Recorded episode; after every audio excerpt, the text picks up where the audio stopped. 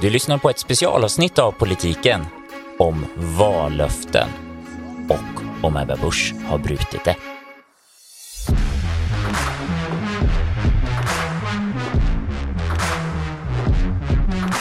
Det här är Politiken med Henrik Torehammar.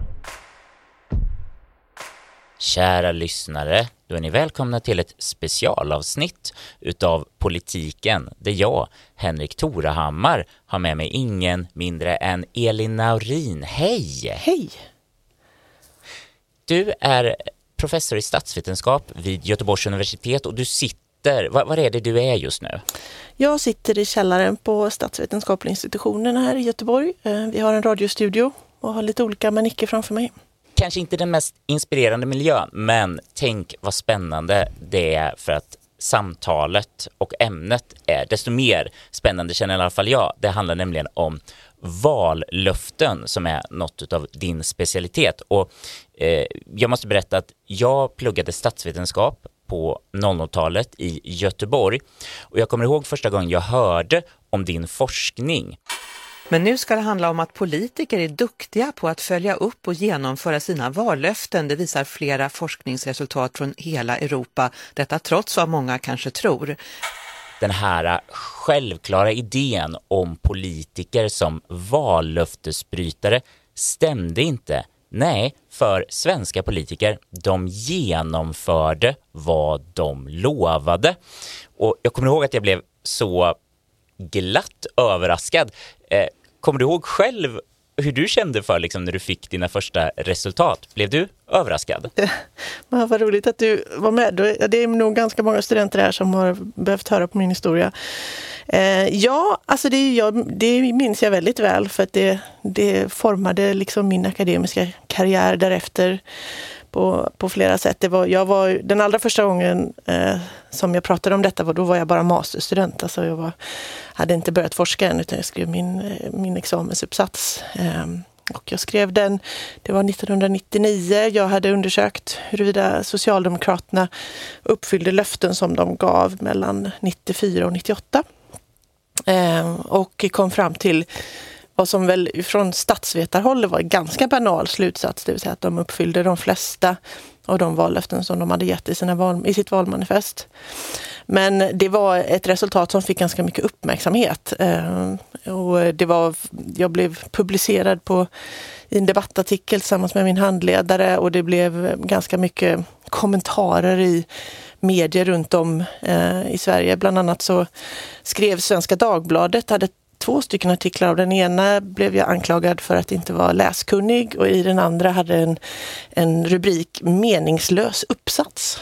Ehm, så att och medan Socialdemokraterna på andra sidan var väldigt glada. Ehm, eh, partisekreteraren som då var Stjernquist, han beskrev studien genom att citera sossarnas husgud Bruce Springsteen. Ehm, we made a promise we swore we'd always remember, no retreat, no surrender. Så att det, var, det var så det började, för sen därefter så blev jag så nyfiken på varför folk blev så upprörda och varför det väckte så mycket känslor när jag påstod att de vallöften som fanns i valmanifestet genomfördes. Så att det var det min avhandling sen kom att handla om.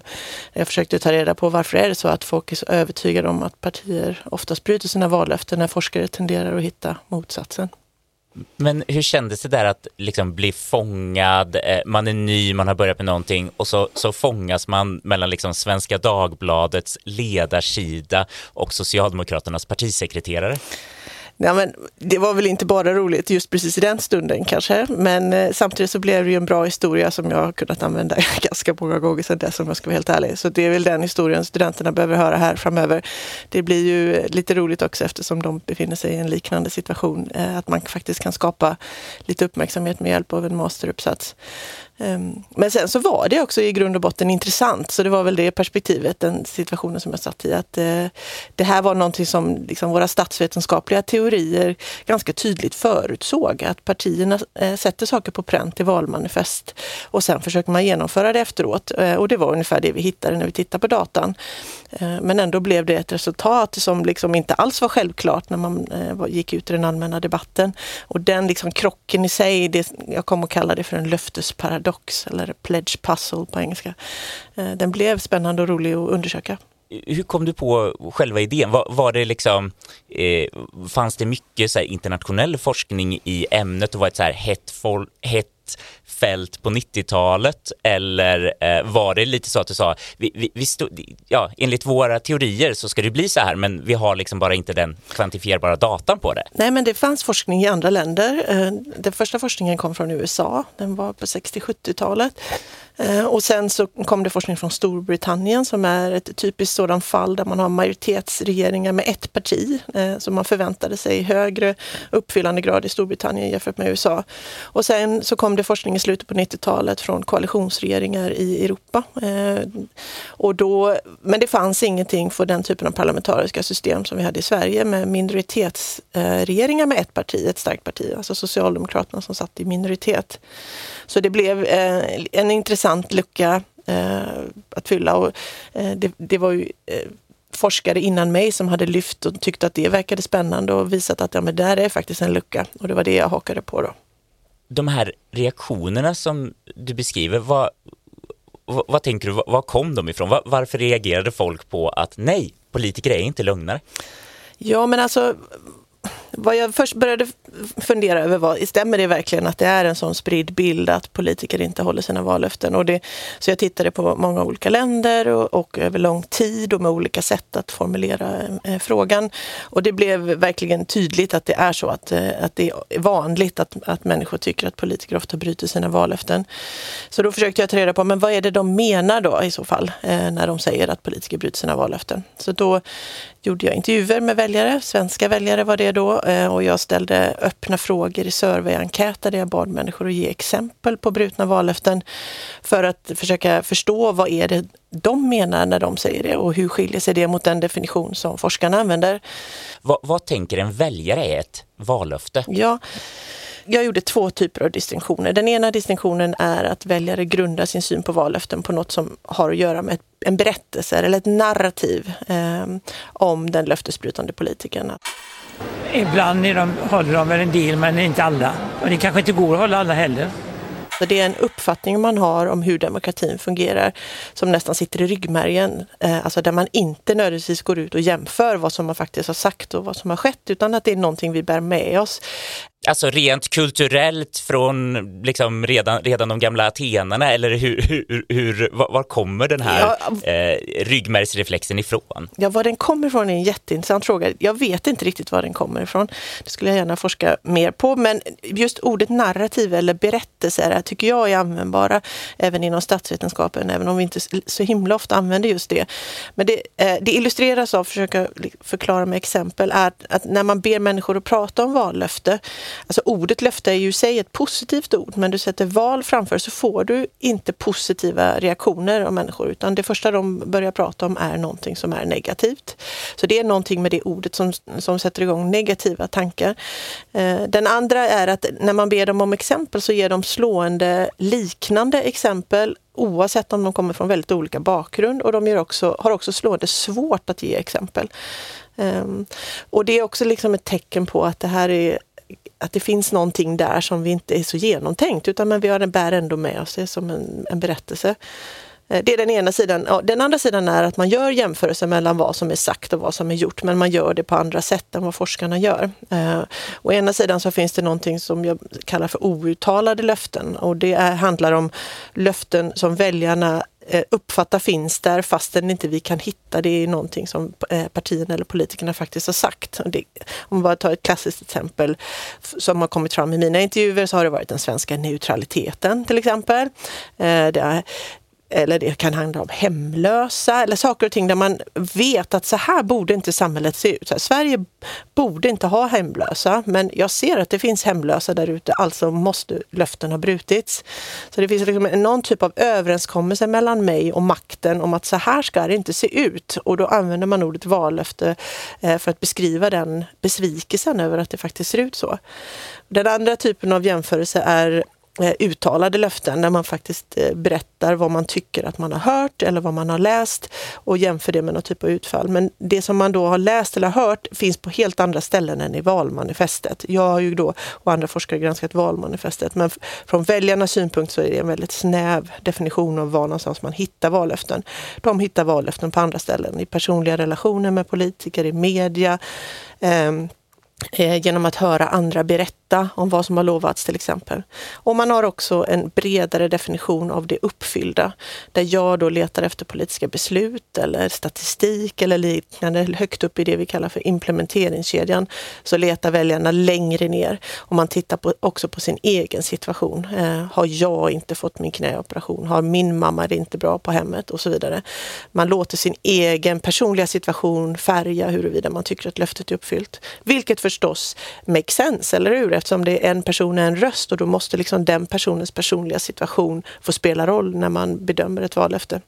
Eh, och det som väljarna pratar om är normativt rimligt, men det är också viktigt att klargöra att det, det stämmer inte när man påstår att partierna inte försöker uppfylla sina vallöften, därför att de gör det på andra sätt eh, och på sätt som vi tycker är viktigt.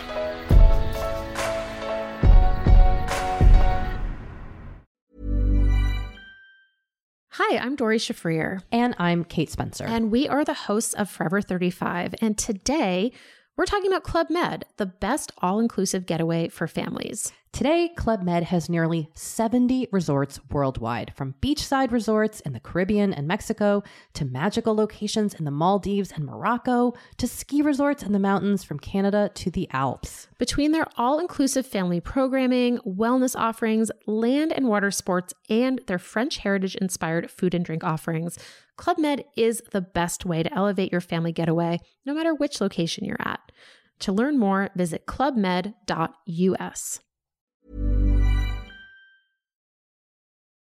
Om vi tar oss till konkreta vallöften, finns det eh, några liksom, klassiker inom genren? Jag, jag, tänker på det här amerikanska, var det Bush den äldre som sa No new taxes va? Mm.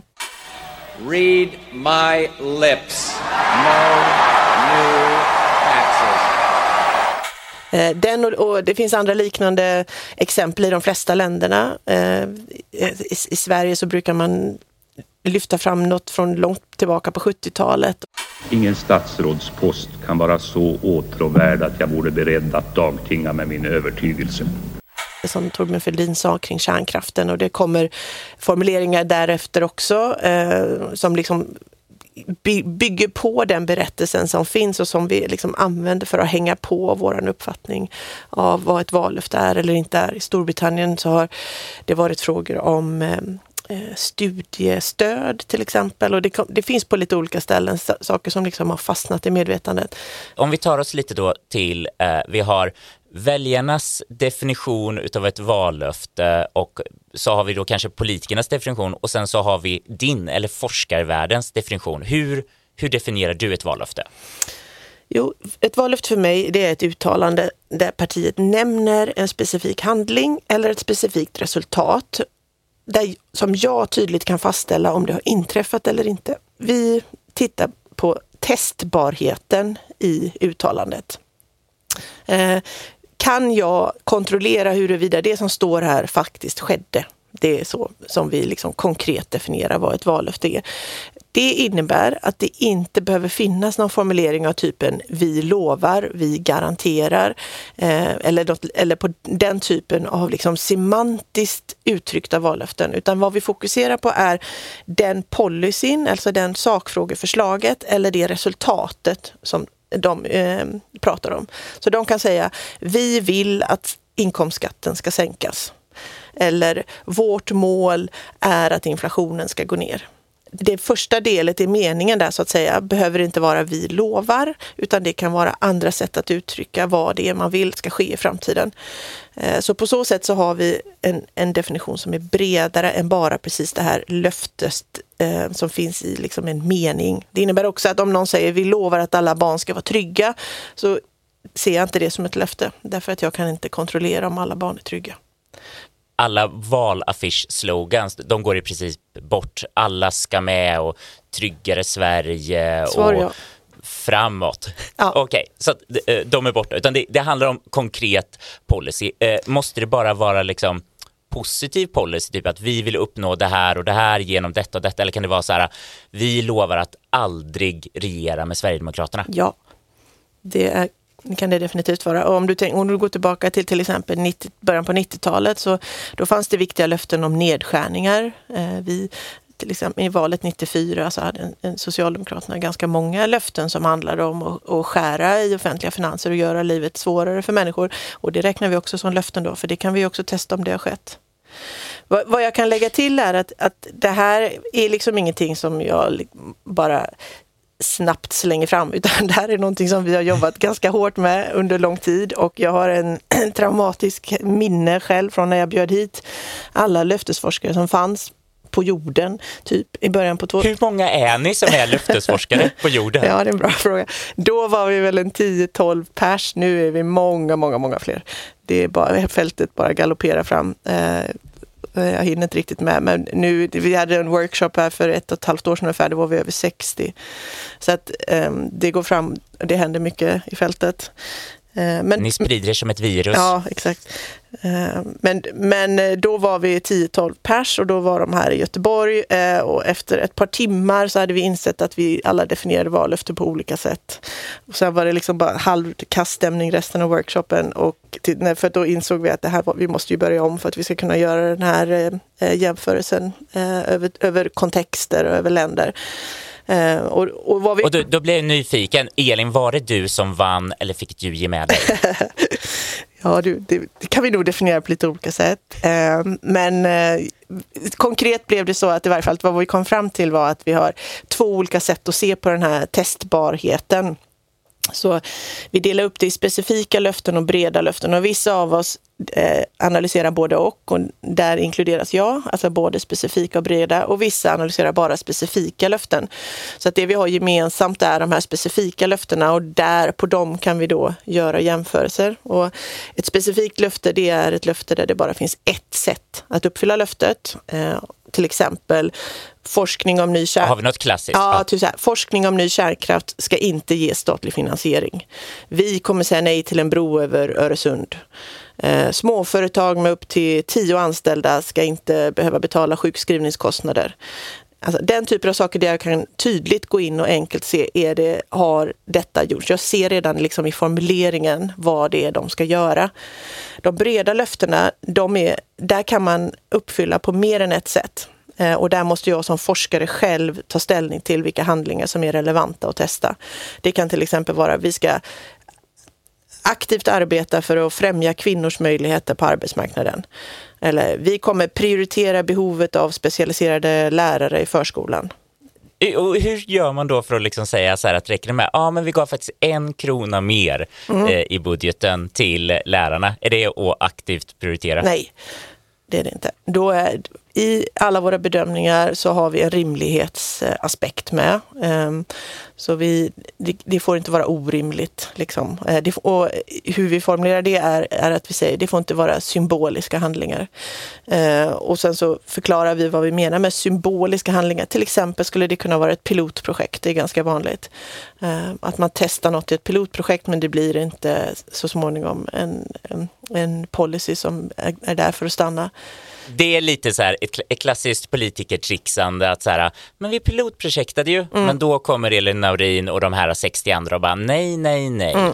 Det där går vi inte på. Och så, det gäller även utredningar, så att eh, det räcker inte att tillsätta en utredning. Om inte det är så att löftet är att tillsätta en utredning, vilket det eh, ibland är. Då kallar vi det för utredningslöften. Det är mycket potenta glosor Mm. som ni eh, levererar till oss. Yes. Eh, och nu förstår jag att nu kommer vi till det härliga kruxet. Här sitter jag, dagsmedia, efter en valrörelse där det eh, var mycket fokus på vilka vallöften ges, kan ges. Är det ena sidan som säger sig, vi kan inte ens ge några vallöften och sen efteråt har det blivit en stor diskussion om svikna vallöften och sen så är det så att jag och mina kollegor hör av sig till dig, Elin? Mm. Ofta. Eh, och jag hinner inte prata med alla. Jag är lite ledsen för det. Jag har gjort ganska många redaktioner.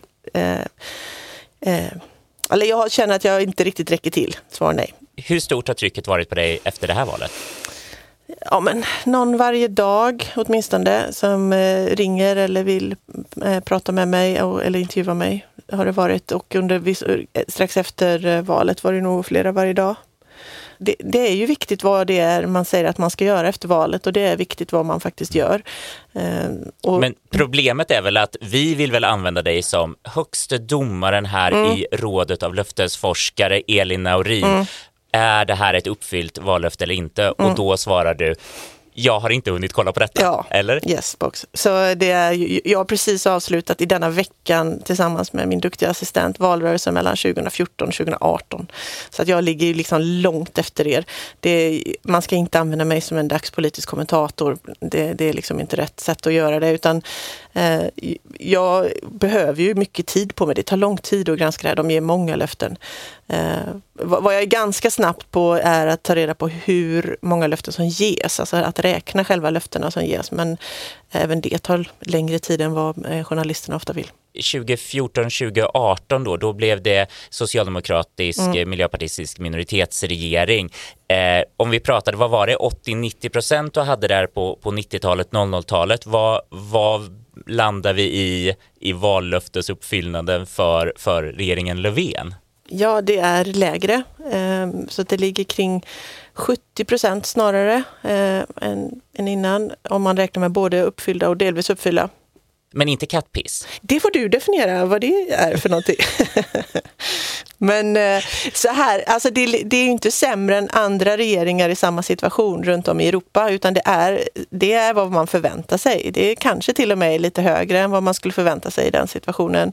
Sverige har haft regeringssituationer som har, förhållandevis har haft förhållandevis enkelt att uppfylla vallöften.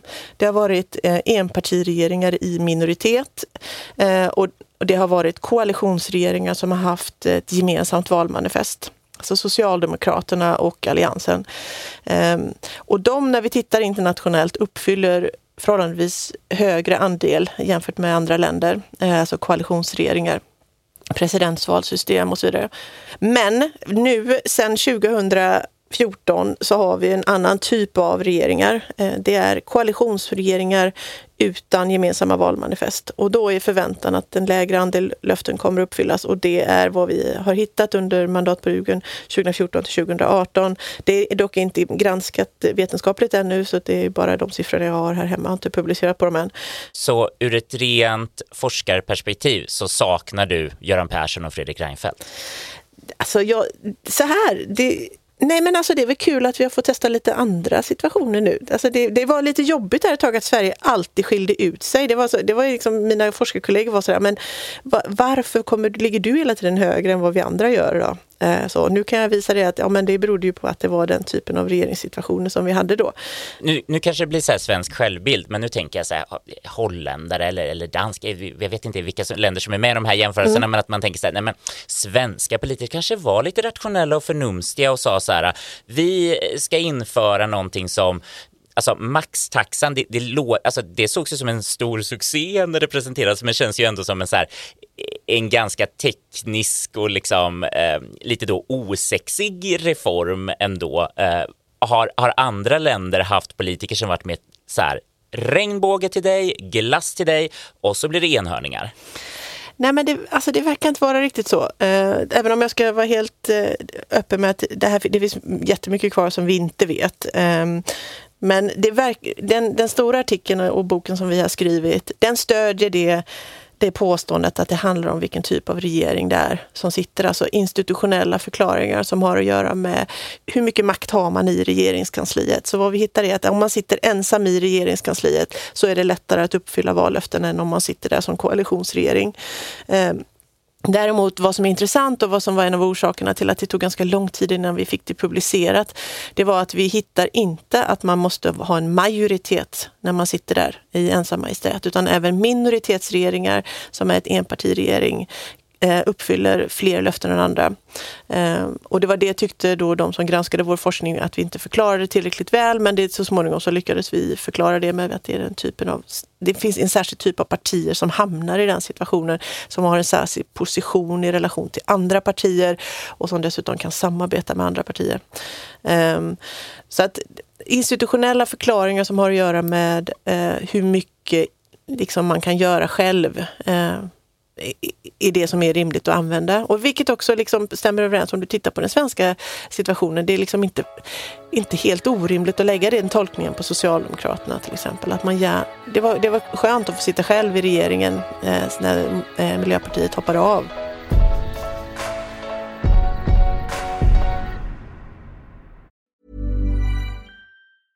Hi, my name is Danny Pellegrino from Everything Iconic, and I'm excited to talk to you about Club Med. Club Med operates beach and mountain resorts and is the best all inclusive getaway for families. They have Club Med Punta Cana, their flagship family resort, and many other options in Mexico, the Caribbean, and around the world. Club Med are the pioneers of the all inclusive concept, which is the best way to vacation. Great for families, groups, or even solo travelers looking for land and water sports, delicious food food, and a place to make unforgettable memories. Visit clubmed.us, call 1 800 Club Med, or your travel advisor.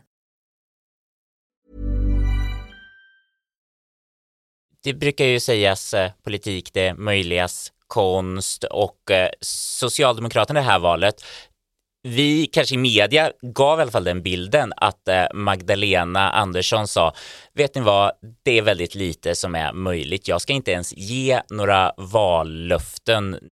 Du vänder dig mot att ställa ut vallöften. Skulle man kunna säga att vallöften är ett omodernt ord i det parlamentariska läge vi har? Är valmålsättning kanske ett lämpligare ord? Ja, jag tror faktiskt det hon vill mer sälja in sig som att det kommer hända massa galna saker. Det kom covid, det kom krig. Vem vet vilka galenskaper som kommer den här gången? Jag får krishantera ufo-invasionen nästa gång om jag får förtroendet från väljarna. Så att titta inte så mycket på vallöften. Är det här en rimlig beskrivning av Socialdemokraterna 2022? 2022, jag tycker att det var en intressant valrörelse. Jag har inte hunnit bedriva så himla mycket systematisk forskning på det än, men vi har hunnit preliminärräkna vallöftena eh, i alla malmanifesten. Eh, och det är typ klart den här veckan men vi måste granska det igen. Men alltså, vad jag hittar där är ju att det, det ges ju ungefär lika många vallöften i valrörelsen 2022 som det har gjorts de senaste två valrörelserna i Sverige. Eh, och Socialdemokraterna är inget undantag. Alltså, jag räknar till mellan 100 och 200 vallöften i, dem, i det valmanifestet som Socialdemokraterna la fram i valet 2022. Och jag, jag, jag förstod aldrig riktigt den spinnen som blev på Socialdemokraterna från journalistiskt håll på så vis att de inte gav löften. För att i valmanifestet så gör de det. Eh, men däremot så eh, tolkar jag Socialdemokraternas sätt att bedriva valrörelse som att de själva fanns, att det fanns någon typ av ängslighet i hur man ska förhålla sig till den här situationen. Alltså när man kommer från en situation där man har kunnat genomföra det man har lovat och hur ska då väljarna förhålla sig till de löftena vi ger nu när vi vet att vi kommer att sitta i en annan situation. Det kommer inte vara lika lätt att genomföra det som vi vill göra framöver. Hur hittar man den pedagogiska balansen? Och det, det är så jag tolkar att de, att de liksom stod och vägde mellan det i den här valrörelsen. Å ena sidan ett specifikt valmanifest, och andra sidan den här sättet att prata, att man inte hade vallöften. Och de här liksom underliga, eh, vaga formuleringarna om att vända på varje sten eller ta tillbaka den demokratiska kontrollen eller någonting med gröna jobb.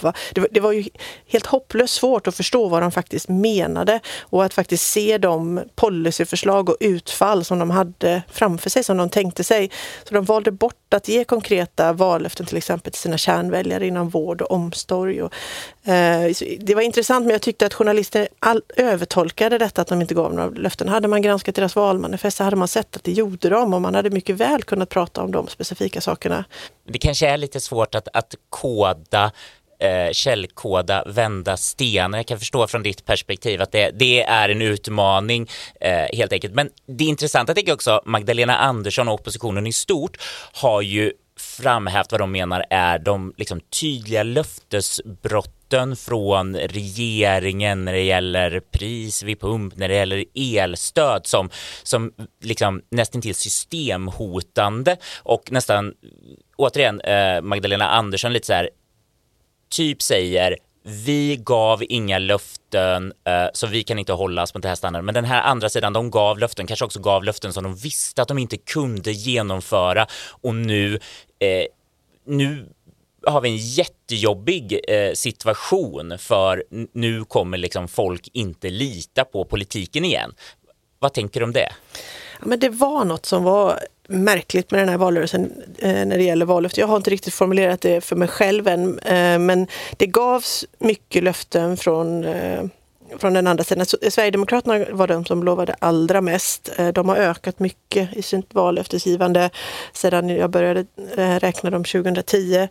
Eh, och de är solklart i det manifestet med mest löften. Och sen är Moderaterna lovade också mycket. Eh, men men däremot gjorde inte Kristdemokraterna det. De är de som ligger lägst i när vi räknar i valmanifestet tillbaka i tiden också. Eh, så att och, det, och men flera av de löftena som gavs, när de gavs så redan då förstod jag att det här kommer inte kunna genomföras. Jag tyckte det var konstiga löften, det här med priset vid pump till exempel. Eh, eller exakta datum och så vidare. Det, det, var, det var så uppenbart att det där kommer bli väldigt svårt. Eh, jag har inte riktigt, inte, inte, riktigt sett den typen av löften innan i svensk debatt. Eh, så att, att det skulle bli en svekdiskussion, det var ganska tydligt. Jag tycker att det är en relevant diskussion. Uttrycker man sig på det sättet så skapar man ju förväntningar hos människor och de liksom bygger ju sin vardag efter det.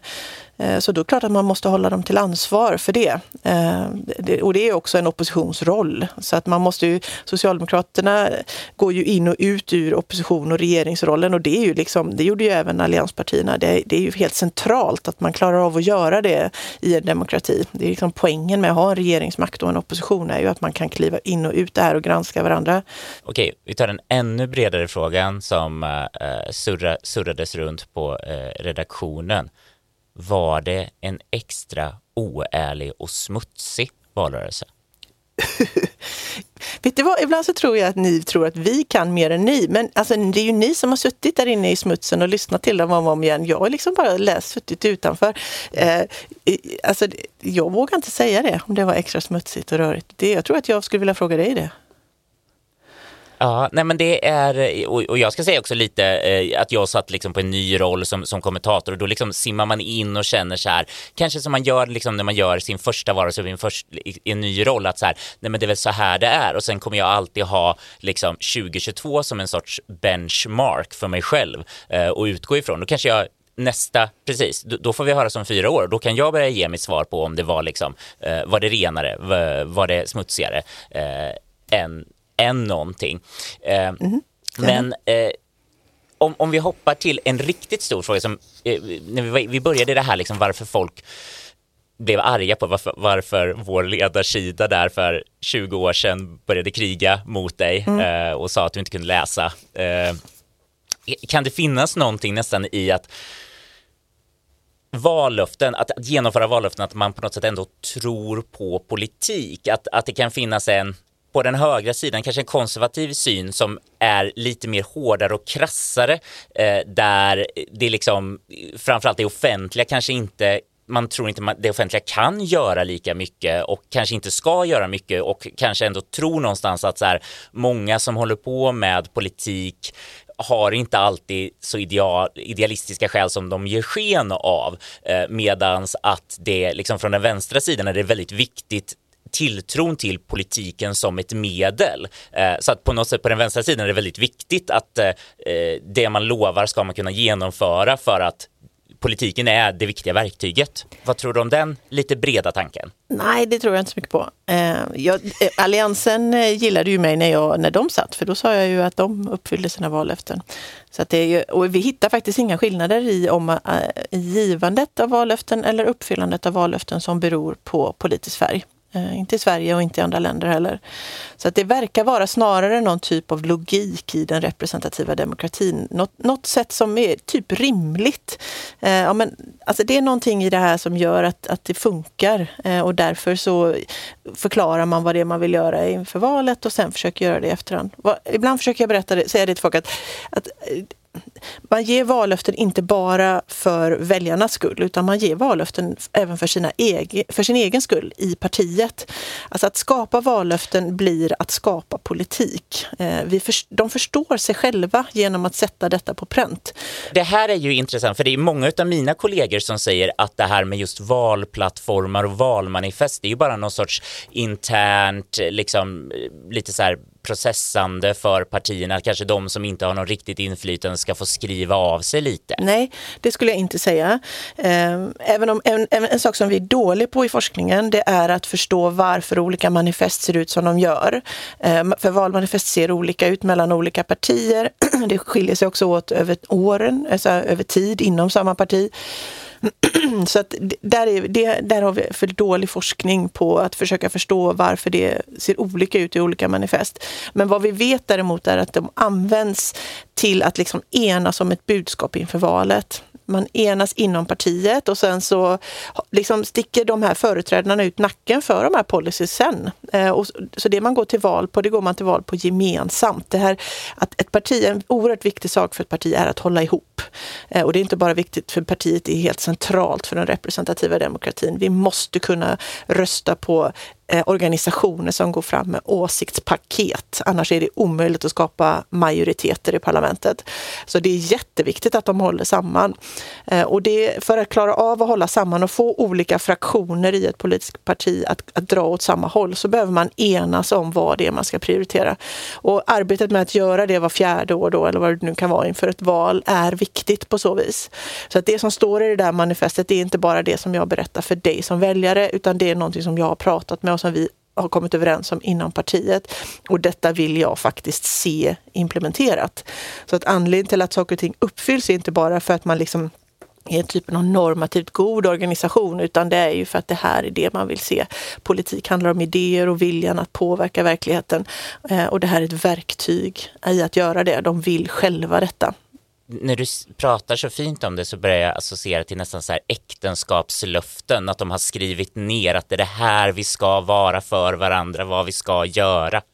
Mm. Men den lilla skillnaden då att man är nog inte så nöjd om liksom ens partner uppfyller det till 85 procent kanske. Utan då vill man mer ha en 100 procent i uppfyllelse gissar jag i ett äktenskap. Men eh, eh, det, så det är inte det vi kräver av partier. Vi har heller inga rättsliga system eller några typer av liksom, institutioner där du kan stämma ett parti vi som inte uppfyller. Vi har dig Elin! Ja. mm, precis. Eller dig som journalist. Jag vill att journalisterna ska göra den här granskningen. Och, och, vad tänker du om det här som också varit en kritik av att vi borde snabbare ha varit på och förstått att löften liksom ifrågasatt var de här genomförbara? Och då skulle jag vilja kasta på direkt motargumentet att så här inte ens riktigt partierna som utfärdar sina löften och liksom eh, verkar riktigt ha koll på saker och ting, för de har sina egna begränsade utredningsresurser, kanske riksdagens utredningstjänst, men det är egentligen först när man sitter med regeringsmakten som man på riktigt kan förstå nästan vad ett förslag skulle få för konsekvenser. Är, är, är det rimligt att vi eh, ska kunna liksom eh, vara med och värdera vallöften? Alltså så här, jag tror vi måste hjälpas åt, eller hur? Det, här, det är ju människor som befolkar en demokrati och demokratin blir så bra som vi gör den. Eh, och vi har olika roller. God journalistik, helt essentiellt. Eh, bra forskning, jätteviktigt. Eh, ärliga, duktiga politiker, jätteviktigt. Vi måste ju liksom hjälpas åt, alla goda krafter, för att få detta att funka. Men vad, vad man också kan säga, bara som en spin på det du säger, att det inte är så himla lätt. Det är ju också någon av de sakerna vi ser i forskningen, att har man regeringserfarenhet som parti parti, då är det större chans att man klarar av att uppfylla sina löften än om man inte har regeringserfarenhet. Så att det, det tenderar liksom att se ut... Så vi borde bara ha ett parti som ska sitta i makt hela tiden? Nej, jag vet inte. Du, det utgår ju på då att, vi, att det är så himla bra att det alltid uppfylls vallöften. Det, ju, här, det kan vara bra, men det är inte det enda som är viktigt heller för en demokrati. Eh, utan det finns ju andra saker som är viktigt och det finns, no, det finns situationer där det är normativt rimligt att inte uppfylla vallöften. Eh, om man tänker sig att det händer någonting. Ehm, vi måste göra nya förändringar. Den här mandatperioden och förra har ju varit för knökfull med sånt. Eh, det har hänt grejer som gör att man måste klara av att prioritera om som parti. Och då vill inte vi som väljer att de ska uppfylla de löftena som de gav. För vi vill att de ska ta hänsyn till verkligheten och, och sen vill vi att de förklarar för oss varför de inte uppfyllde det de gjorde. Men liksom till syvende och sist så handlar det ju om att, att, det, att eh, partierna ska kunna klara av att förklara i det här fallet så eh, eh, kunde vi inte uppfylla det på grund av det här och det här och det här. Och då, då accepterar ju väljarna det. De allra flesta väljarna liksom tar ju emot goda argument det, och du har ändå en väldigt förhoppningsfull syn på, eh, på väljare. Det, det, ska jag ge dig. Eh, om, om vi tittar lite framåt. Eh, vi började med de här eh, uh, succésiffrorna som gjorde Sverige till the envy of eh, löftesforskningsvärlden. Uh, och sen nu har det liksom backat med institutionella förklaringar, uh, svårare att bilda de här liksom, uh, starka regeringarna som enas om löften i förväg. Vad tror du, kommer vi se, liksom, kommer vi bara sjunka och sjunka neråt? Kommer det kunna gå uppåt igen? Vad, vågar du liksom titta framåt?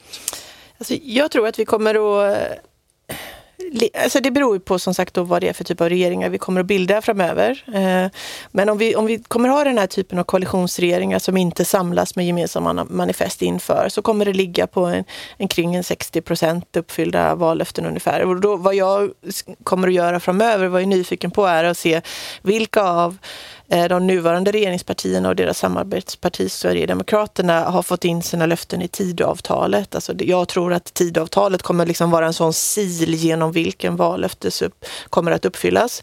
Eh, åtminstone när det gäller Sverigedemokraterna. De andra partiernas vallöfte kommer nog kunna ligga kvar även utanför val, eh, Tidöavtalet eftersom de sitter i regeringskansliet. Och, och när kommer vi kunna få ett forskningssvar på om Ebba Busch har brutit ett vallöfte? Nej men alltså ge mig ett exempel nu, det kan jag nog skjuta från höften. Det är bara det att jag inte kan i alla samtliga elstödet, lägen. Elstödet, ja. det här med... elstödet, det skulle vara framme. Mm. Ja, det var väl ett särskilt datum på den. Eh, när ni presenterade stöd i valrörelsen och sa att det ska vara klart första november, visade det sig att det, det var inte så lätt som ni trodde? Ja, men det är ingen som har gett någon förespegling om att det här skulle vara lätt och har man dessutom ett... Men det lät som det skulle vara lätt att få fram pengar fort. Nej, det har jag aldrig förmedlat att det på något vis skulle vara lättvindigt. Den är väl så, mm. solklar att den inte är uppfylld. Alltså, inte är ett särskilt, det, det är inte jag något problem. Det är ju självklart tycker jag. Så att, Eh, men sen så kan ju... Då, kan då säger vi stopp där. nu har domaren sagt, Ebba, rött kort, en Pinocchio-näsa på dig. Nej, det sa du. Du frågade mig om det var så att det var ett brutet löfte och det, om, det, om hon har gett ett datum, då är det ett brutet löfte. Men sen så blir ju nästa diskussion, var det rimligt att bryta det löftet eller inte? Eh, det kan man ju också diskutera. Det kanske var så att det var rimligt att ge det löftet från början, eh, men sen så hände det någonting. Därvidlag har jag inte skaffat mig någon uppfattning. Men alltså vi behöver ju ha tydliga besked eh, åt väljarna. Eh, så att det är inte dumt att ge löften, det är bra att ge löften. Men i det här, just det här fallet så verkar det som att de gav det utan att ha koll på vad det faktiskt var som var möjligt att göra. Och då är det ju mer problematiskt förstås. Eh, men den typen av löfte, alltså det är inte svårt att bedöma om ett löfte är uppfyllt. Det är oftast ganska enkelt. Eh, men sen det som är svåra är väl att resonera kring var, var det rimligt att bryta det eller inte? Det, där kommer ju folk ha olika uppfattningar. Elin Naurin, tack för att du har tagit dig tid att sitta och resonera med mig. Varsågod.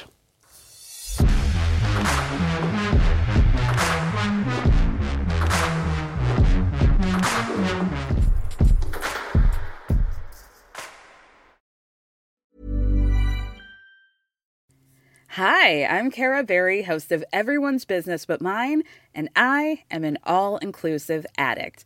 Enter Club Med, the best all inclusive for you and your family. With resorts worldwide, from their family flagship resort, Club Med Punta Cana, to their only mountain resort in Canada, Club Med Quebec, they have everything you need to relax. With their 20 plus sports activities, wellness programs, you can dine on delicious cuisine and make memories with your family. So book your next getaway with Club Med. Visit clubmed.us or call 1 800 Club Med or your travel advisor.